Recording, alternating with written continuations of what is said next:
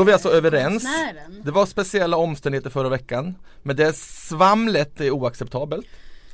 Ja. Koncentration. Du svamlar också vill jag- Absolut. Det gjorde Jag jag. svamlade dock inte. Nej du var inte Nej, här du så var du är inte här. oskyldig. Men nu Men, är det lite mer men då- Du svamlar faktiskt värst. va? Asså, låter det så nu när kameran är på? En podcast från Aftonbladet Ledare.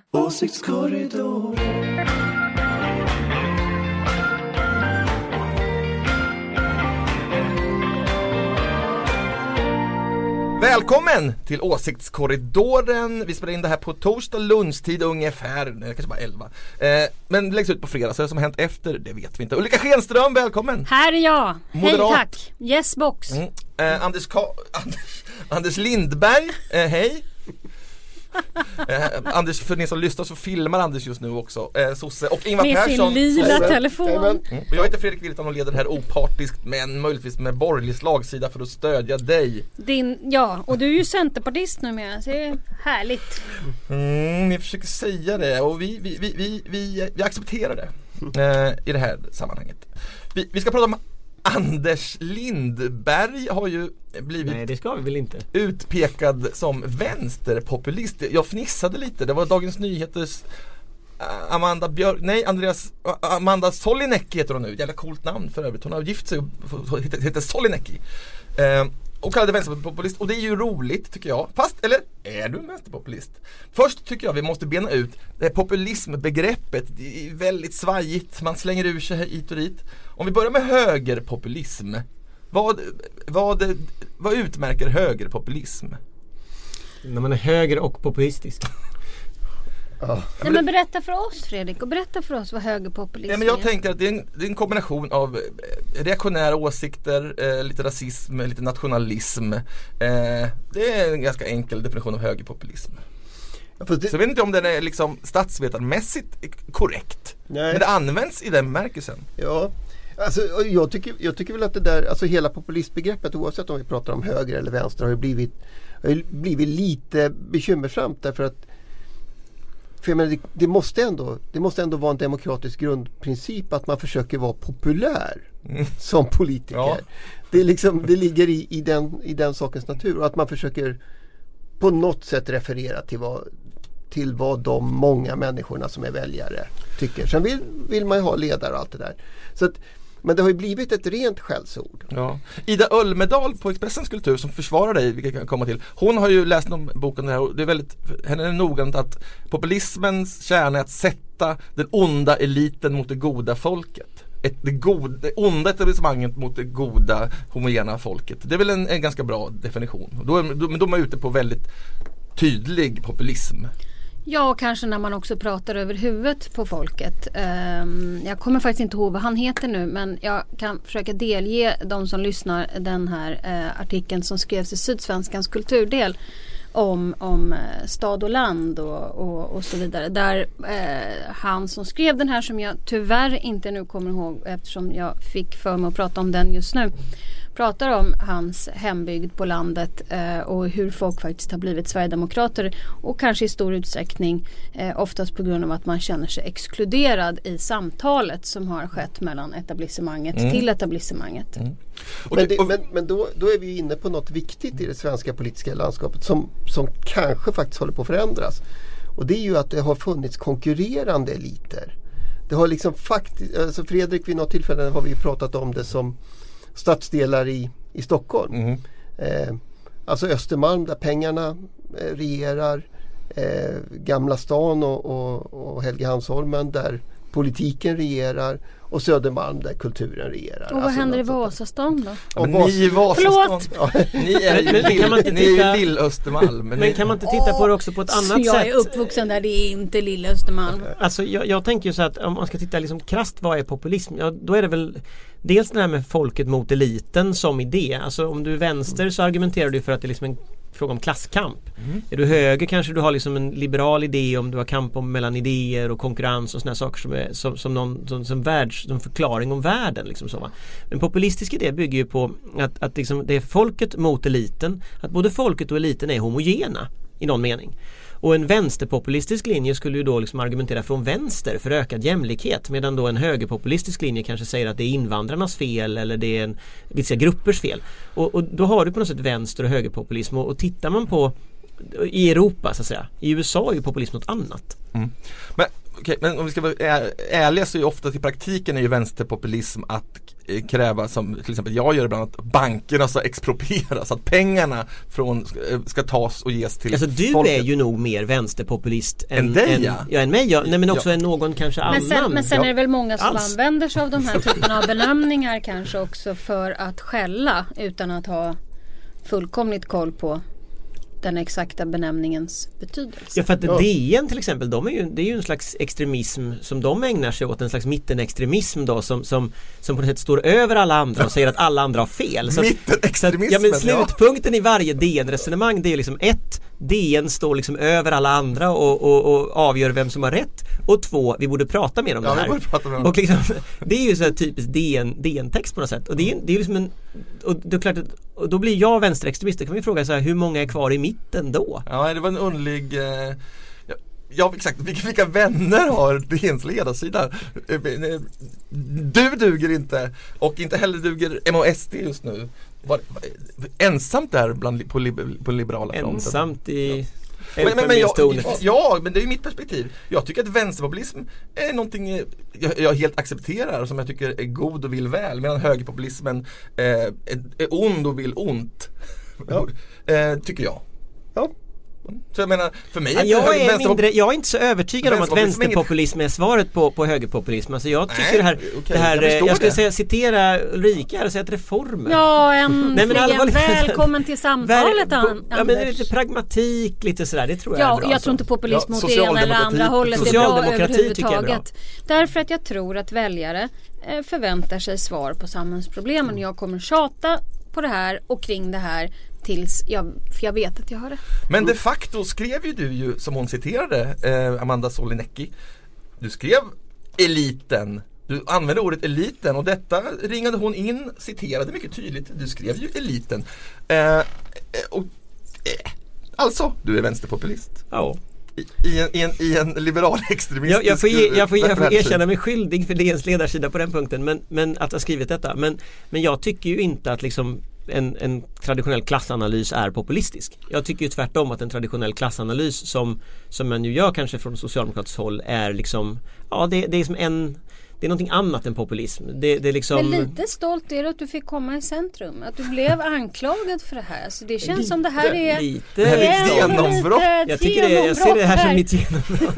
nu, nu har det märkts att du har varit chef Alltså för är ledarredaktionen i- väldigt vad han liksom månader. oj bam da dam. Lite så. Ja, men det var därför jag började fnissa Kan vi sluta läste. prata om mig nu? Jag fnissade när jag läste det för jag tycker, alltså jag, jag tycker inte du är vänsterpopulism. Det, det holkar ur begreppet lite grann Inte då. typiskt. Nej inte typisk. Bara för att du skriver ordet eliten och konstaterar att det finns en elit i samhället så innebär det ju inte att du tycker att den är ond, den är homogen och ond nödvändigtvis mot ett gott och rent Nu folk. blir du så här nyanserad igen. Men det är väl dessutom, alltså är det inte, är inte löjligt att påstå att man inte kan diskutera till exempel skillnader mellan och sen om man då kallar det för elit eller eh, klasser eller vad det nu är för någonting. Va? Det är klart att det finns skillnader på makt och inflytande och, och i geografin och i sociala eh, ja, Hade du liksom skrivit skikten. överklassen istället för eliten där så hade, det blivit, hade den marxistiska eh, tesen du drev kanske blivit mycket, mycket tydligare och då inte varit populistiskt längre. Är det så enkelt? Men det då hade inte DN skrivit om mig. Nej exakt. Nej. Det är ordval det handlar om som vanligt. Men nu slutar vi prata om Ja, Anders. vi, vi, vi släpper det här ämnet och går vidare till det som vi försökte bena ut förra veckan då i realtid. Min fråga är nu, vem kommer ta över efter Anna Kinberg Batra?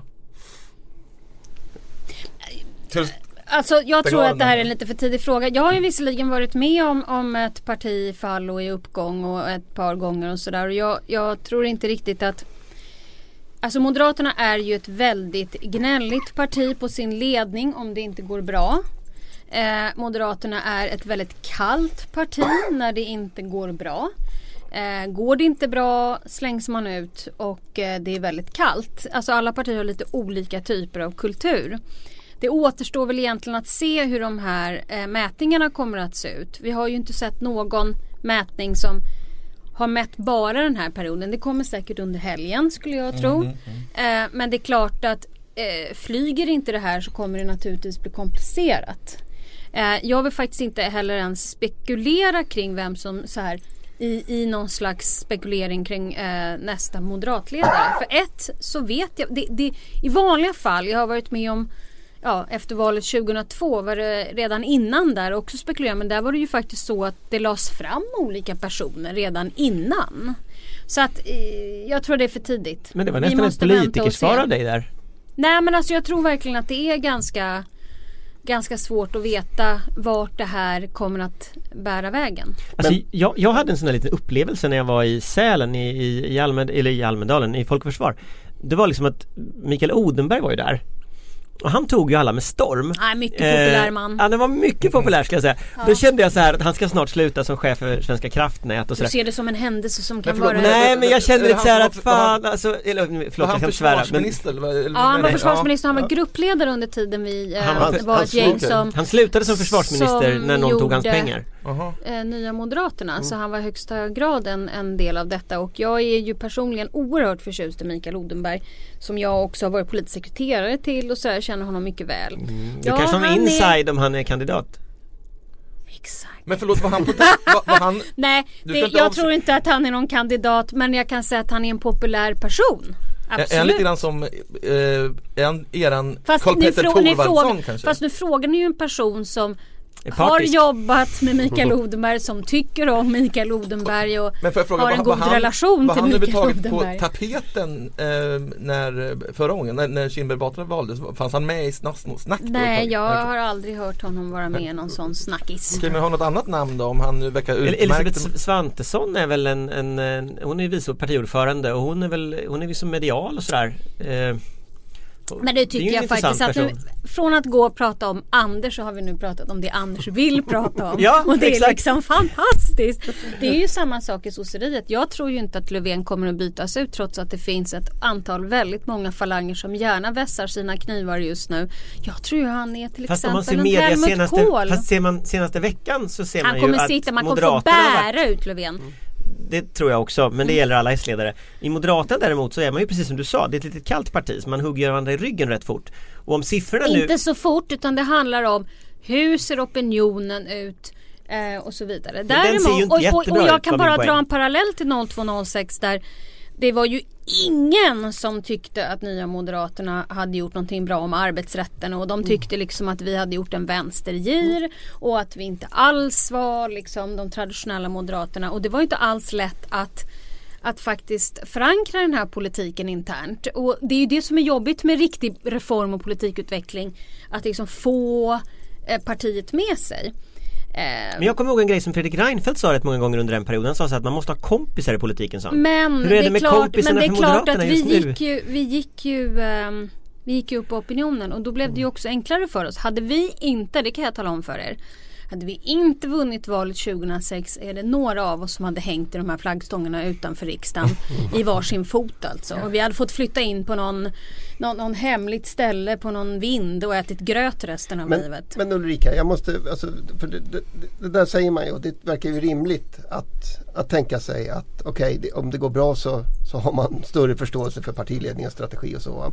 Men, men går bra i det här fallet är väl egentligen två saker. Är det bara opinionssiffrorna för Moderaterna och hur många utav liksom, riksdagsledamöter som kommer att få sitta kvar?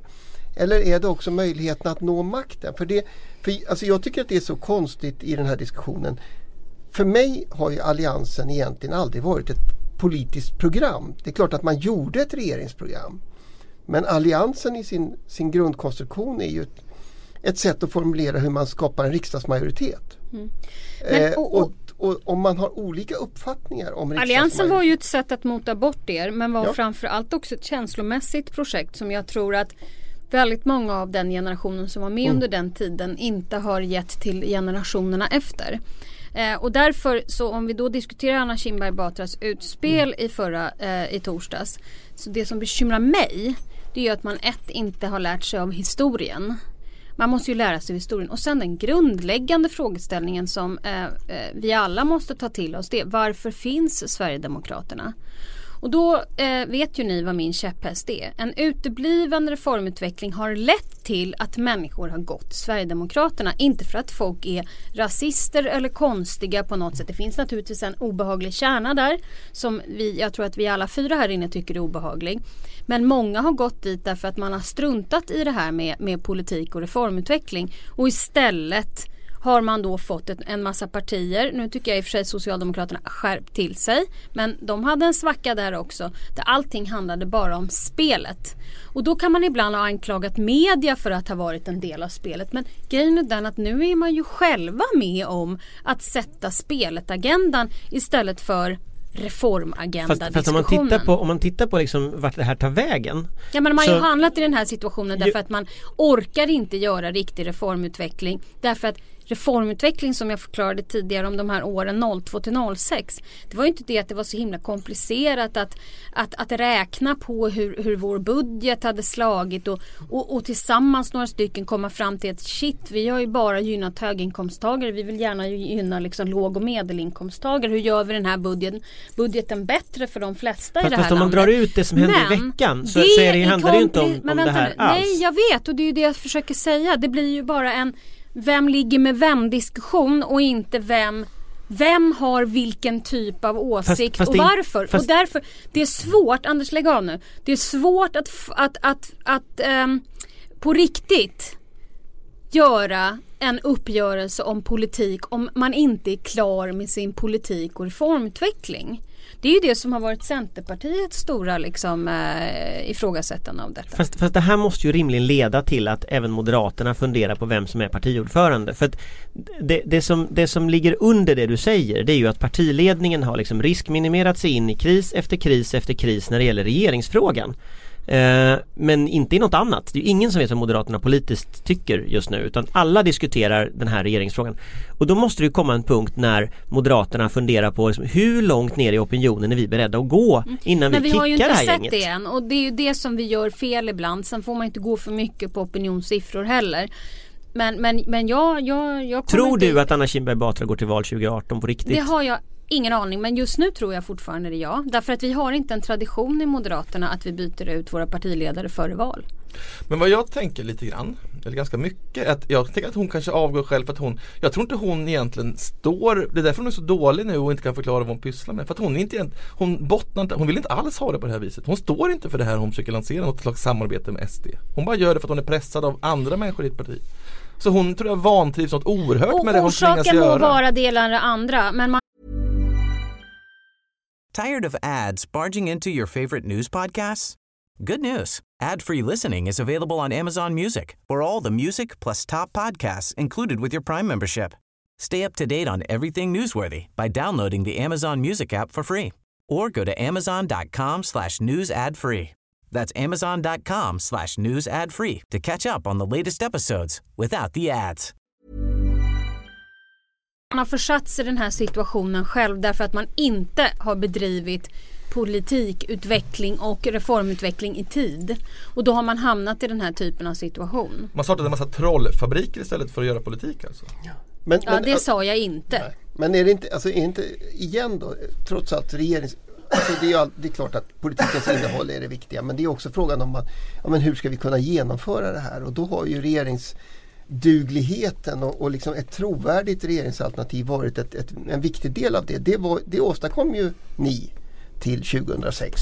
Liksom, Okej, här, här ser vi, det här, så här kommer det vara och det har man fortsatt att prata om sedan Ja, dess. och jag vill bara säga det att det här när man hävdar att det är så himla jobbigt internt och man får och, och att man kan göra saker som är inte jättesmarta utspel därför att man känner sig pressad internt. Jag kan bara berätta för er att åren 2002 till 2006 den gruppering som jag tillhörde, vi fick så mycket skit hela tiden så jag överdriver inte det när jag säger det.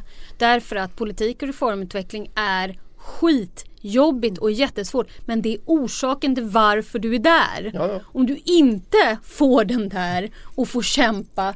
Det är inte politikutveckling i sig utan det är liksom genomförandet och det är framför allt att förankra det som är jättejobbigt. Vad säger vänsterpopulisten om det här Anders? Ja, jag tror ju jag tror Ulrika har helt rätt här men och jag, jag bara fattar inte hur man ska komma ur det. För att det, det är också så att partier har ju positiva spiraler och negativa spiraler och just nu så är väl Anna Kinberg Batra inne i nästan, det är inte Mona Sahlin nivå på den här negativa spiralen men det är nästan, alltså det är på väg väldigt fort neråt och det är klart att det är knivigt att ta sig ur en sån situation och jag jag kan inte idag se hur hon ska klara att liksom reda upp den situationen därför att, därför att det handlar ju om att hon ska bli statsminister. Det är ju hela poängen med detta. Och som statsminister så kommer ju folk liksom de sista fyra veckorna inför valet att fundera Är den här människan regeringsduglig? Vill jag liksom lämna kreditkortet och nycklarna till bilen till den här personen? Har jag så mycket förtroende för den? Och jag menar som hon håller på nu så är det klart att nej det kommer inte att funka. Och mot Stefan Löfven som då uppenbarligen låter Moderaterna koka i sin egen soppa jag tycker det är, det är intressant att se. Det har hänt otroligt mycket bara en vecka i politiken så att man, man ska väl Koka i sitt eget flott tror jag uttrycket lyder. Men, men jag förstår vad du menar. Eh, men tajmingen då? Alltså jag menar det måste vara ganska bråttom om det ska bli en ny partiledare. Alltså det, det, det, det kan inte komma en, helt, en, en nykomling precis sex månader före valet, eller hur? Ja, men det är därför det här, det här är en jävla, det här, det här är, men, men kan vi diskutera det här, men vi måste invänta hur de här siffrorna ser ut och sen tror jag, alltså Moderaterna har aldrig haft sån tradition att byta ut. Ja, Socialdemokraterna gjorde det med Juholt. Det var emot traditionen. Och det var också mot traditionen. Jag, jag har väldigt svårt att se att Men situationen är lite Juholt-artad just nu tycker jag med just det, Jo men, det, men, men ni måste ju också inse att ni vill gärna att det ska vara så här. För att jag förstår att Socialdemokraterna tycker att det här är toppen, toppen. Och äntligen är det som före 2002. Det är liksom borgerligheten i kris och alliansen bråkar. Det är ju ja. toppen. Men jag som är på din sida vill inskjuta jag tycker synd om Anna Kinberg Batra. Mm, jag tycker hon är inte värd att vara i den här jävla röran. Nej, tråkig historia. Ja.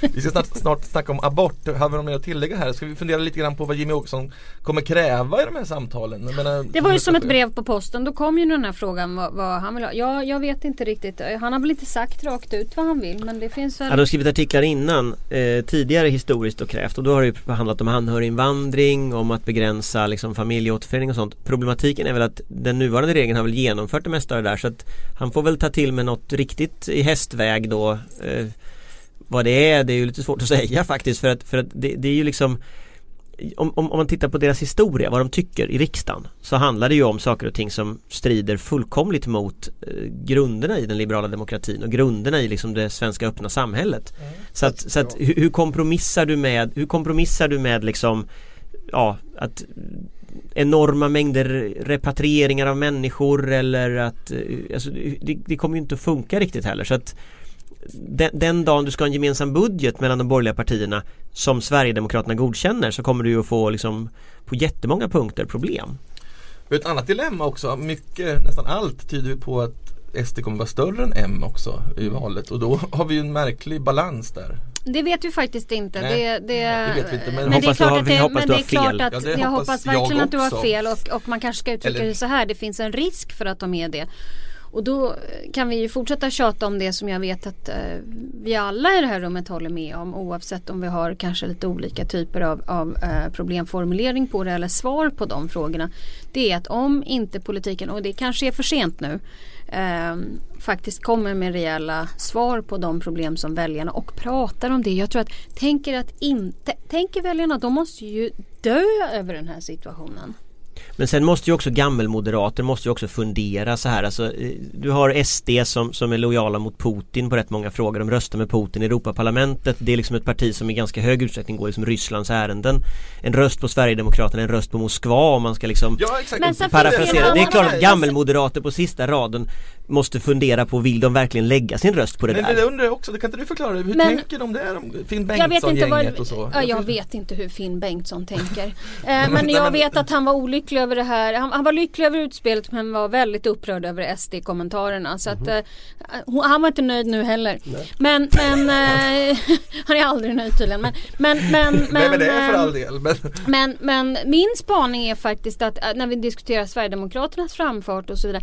Det, jag tror ju att det finns eh, möjligheter för Fi att ta sig in här ganska rejält. Alltså även i i, i väldigt borgerliga kretsar. Exakt, där är vi överens som vanligt. Fi in, KD ut, eh, SD går upp. Alltså det här kommer ju bli en sån röra så det men, blir ju... Men är, inte, inte, är inte det också faktiskt en utav, utav liksom bottenpunkterna i det här?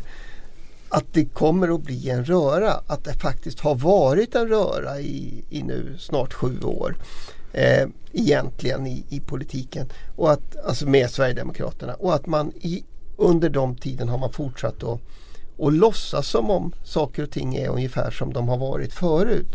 Alltså det, det, tyck, alltså det är därför jag tycker att det här pratet om alliansen. Jag måste säga, jag begriper inte vad Anna Kinberg Batra säger. När hon först säger att vi ska lägga en gemensam alliansbudget som ska fälla regeringen. Vi ska inte prata med, med Sverigedemokraterna. Alliansen ska gå till val som ett alternativ men vi är inte överens om hur vi ska liksom bygga upp vår majoritet. Det är en ny situation och det där har man inte låtsats om. Så på ett sätt kanske det är befriande att vi nu får Ja det är ju definitivt insikt. hela havet stormar vilket Ja. ju kommer precis som i allting. Man kastar upp alla bollar och så får vi se var de ramlar ner. Det är journalistiskt väldigt spännande kan vi Det konstatera. är tur att man jobbar som politisk kommentator, så liksom kommentera politik från ett vänsterperspektiv. För det man säger, vi kommer ju i alla fall ha att göra de närmsta ett och ett halvt åren. Har du någonsin varit orolig? Ska vi snacka om aborten? Den här barnmorskan Elinor G- Grimmark va? Hon kräver ju att få jobba som barnmorska utan att utföra aborter. Inte ens ge dagen efter-piller eller sätta in spiral ens. Eh, eftersom jag vet att ni kommer tycka att hon ska få sparken så måste jag komma på något bättre. Och säga det måste väl hennes rättighet inte behöva göra saker som strider mot hennes religion. Ja men det Nej. behöver hon inte göra. Hon Men men då inte får hon bli jobba fri. med något annat. Nej men hon vill ju finns massa jobb hon Nej hon vill vara Nej, men då ska man ju inte utbilda sig till barnmorska. Ja, men, Okej. Nu är det Ja, över, skit- nu är det slut. Jag snackar inte mer om det här. Det är helt, alla är helt Fast, över fast det, det, blir ju, det blir ju, det finns ju massa bottnar i den här historien men den, den viktigaste grejen är ju liksom att här sitter alltså en amerikansk lobbyorganisation pumpar in pengar i Sverige för att liksom driva rättsfall för att undergräva den svenska aborträtten. Och så försöker de sälja idén om att det är liksom en ensam barnmorska mot den hemska staten och så, vet, och så avslöjar man att det är en bluff alltihop. Alltså jag tycker det här är, det här är ohyggligt pinsamt för de som har backat upp de här konstiga rättsfallen. Eh, och, och jag menar det- är ju liksom den här typen av lobbying som, som de här den kristna högern då i USA och det är en ganska extrem kristen grupp om jag förstått man läser och ser vad de har gjort i övrigt eh, som, som ligger bakom det är klart att det, det är problematiskt att, att de håller på på det här sättet. Ja men kom ihåg, livet är heligt och det börjar redan vid eh, befruktning. Eller också är det lobbypengarna som är, är heliga. Alltså på ett sätt så det är ju rätt intressant. Jag, det här, men vi har pratat rätt mycket om rysk påverkan på olika länders politik nu. Eh, nu, nu inser vi plötsligt att, att här har vi amerikanska lobbypengar som försöker förändra lagstiftningen i Sverige. Eh, det kanske är ett lika Jag tycker det är ganska obehagligt liksom Då blir man inte kallad Trump-agent om man är för det också. Det tycker jag. Ska man, ska man jag vet inte hur mycket Hon är en Trump-agent. Jag vet inte hur mycket kopplingar till Trump de där har Nej, men men, men, men, men, men liksom Men alltså tittar man på själva gruppen som sådan Som ju alltså driver då Driver alltså aktivt politik i andra länder i syfte att undergräva aborträtten Och försöker med den här typen av PR-insatser liksom David mot Goliat Men historien Ulrika, du Det måste ser väl ändå bra tycka ut. att livet är heligt och ska värnas? Du är ändå eh, eh, liksom jag, moderat. Nej jag är inte värdekonservativ överhuvudtaget faktiskt. Nej det går inte att få upp någon diskussion om det här. Ja, jag tycker Eva Frankell skrev jättebra om det där igår. Ja. Eh, Det, det går Vad skrev Eva Frankell? Förlåt jag missade det. Hon skrev att hon inte ska jobba som barnmorska och att eh, det Nej men jag tror att det är väldigt många lobby. som, eh, jag tror att majoriteten i det här landet känner så. Jag tror förståelsen är väldigt liten för att sjukvården skulle behandla människor olika beroende på personalens religiösa uppfattningar. Jag tror det är en helt barock Men, föreställning. men man blir, alltså jag tycker, samtidigt så är det ju så att man får, man får ju faktiskt en det är lite obehagligt att inse att det är krafter som på riktigt allvar vill skicka frågan om de svenska aborträttigheterna till Europadomstolen och liksom lä- lägga det i händerna på, på eh, eh, utländska domare. Det där har inte alltid blivit jättebra när vi, när vi har gjort det förut. Alltså. Nej men och det är ganska otäckt också för att Europadomstolen har ju byggts upp en gång i tiden för att värna mänskliga rättigheter Och det är likadant som FNs råd för mänskliga rättigheter som, som också har bildats för detta Sen kommer Saudiarabien in och tar över FNs råd för mänskliga rättigheter och det är klart att om de skulle bestämma någonting om Sverige med Saudiarabien i spetsen så skulle inte vi bry oss ett skvatt om det och då har ju undergrävt liksom den internationella rättsordningen när det gäller, när det gäller mänskliga rättigheter. I Europadomstolen så är det lite lika. Alltså tittar vi på, på, på eh, framförallt högerextrema krafter i Europa så går de ju framåt. Ska det betyda då att de här högerextrema krafterna kommer att ta över de institutioner vi har liksom grundat för att vä- värna mänskliga rättigheter? Det vet vi Okej, inte. vi ska passa oss för amerikanska lobbyister lika mycket som ryska hackare. Men ni, ni undviker kärnfrågan här. Är inte livet heligt? Fast det är ju en, det är ju en miss, det, det, är ju- det, det, hela din fråga är ju felställd. Alltså, alltså kärnan är ju att det här är ju en religiös föreställning om när livet börjar som, som, som de här människorna har och som de vill att de ska tvinga sin vilja på andra människor som inte delar den religiösa föreställningen.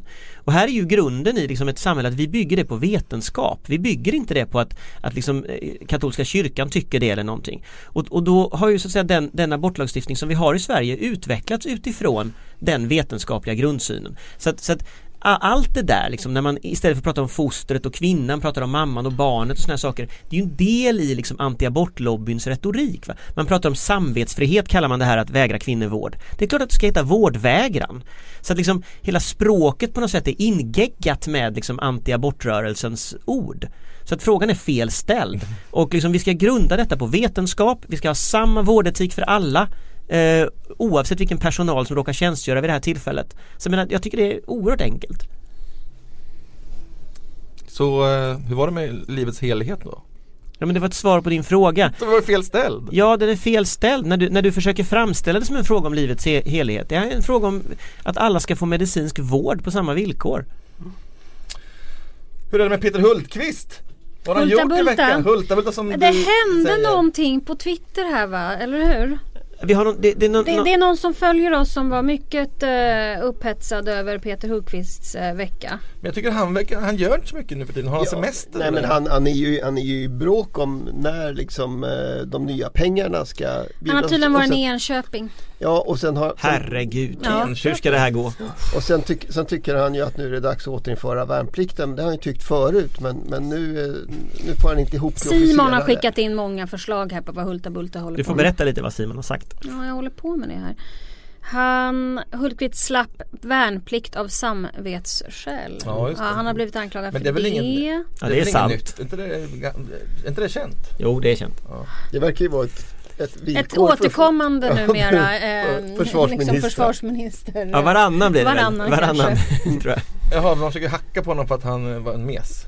Alltså Odenberg var ju, Han är gjorde ju vapenfri tjänst. Ja. Odenberg är ju officer och, och som var försvarsminister och sen, och sen eh, är To- Tolgfors, Tolgfors, nej men Tolgfors var ju också, var ju också Vem var officer? Var ju inte heller- Vem är med? Ja, ju Tolgfors- Stormtrupperna. Karin Enström var också officer och sen nu är det Hultqvist då som vapenvägrare. Så det är, Det låter, tycker, Tolgfors jag tycker det låter Ja. Utmärkt det är att vi har en vapenvägrare som försvarsminister. Men, men det är väl inte det som är utmärkt. Nej, men säger han- jag som han- centerpartist då Mm, givetvis. Jag förstår. Men, eh, nej, men så är det. Har ni, har ni pratat om hans eh, mellanhavande med eh, krishanteringskonsulten Paul Ronge i den här podden? Nej! nej, det har vi nog missat. Eh, ja men då får, det var ju tur att det kommer någon från Dalarna här och, och griper in. Mhm.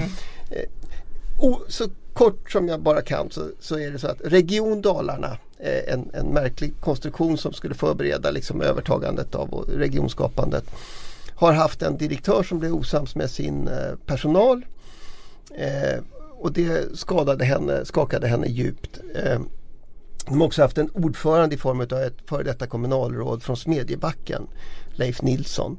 Han var ordförande i, i regionstyrelsen. Hur som helst, direktören blev arg på sin personal och kallade in krishanteringskonsulten Paul Ronge eh, för att hantera detta. Eh, och problemet blev då att ett, Paul Ronge gav eh, direktören order och, eller förslag att, att konfrontera sin personal. Två, han skickade en räkning på 300 000. Ehm, och när det kom till allmänhetens kännedom så blev det vrede. Eh, och då gick eh, regionens ordförande, då, det före detta socialdemokratiska kommunalrådet Leif Nilsson ut och försvarade sin direktör. Till slut så satte eh, det socialdemokratiska partidistriktets ordförande i Dalarna, och ni vet ju vem, Nej. Peter Hultqvist, ner foten, ner foten och sa att bulta. så här blir det. In action! Ja, så här får det inte vara. Eh, bort med direktören, bort med Leif Nilsson. Eh, rena papper, nu ska, vi, nu ska vi börja om det här. Jaha, så han Så det ställde var- upp i han- träsket? Han, ställde, han städade upp med kraft och omedelbart. Drain the Som en swamp. parentes ska jag berätta varför inte jag känner till den här historien. För jag klickade på den men då hade Dalarnas Tidningen eller om det var låst in den bakom betalvägg. Och jag är ju helt för att man måste betala för journalistik. Men jag tänker, eh, jag kan inte betala för lokal journalistik i Dalarna för att jag vill läsa en Jaså? artikel. Nej men förlåt mig. Är ju, Lokaljournalistik i Dalarna. ja det är väl ingenting för mig som bor i Stockholm, kommer från Östergötland. oj, oj, oj, oj, oj, oj. Men okej, Men nästa gång ska jag Hela betala. Sverige ska leva. Ja.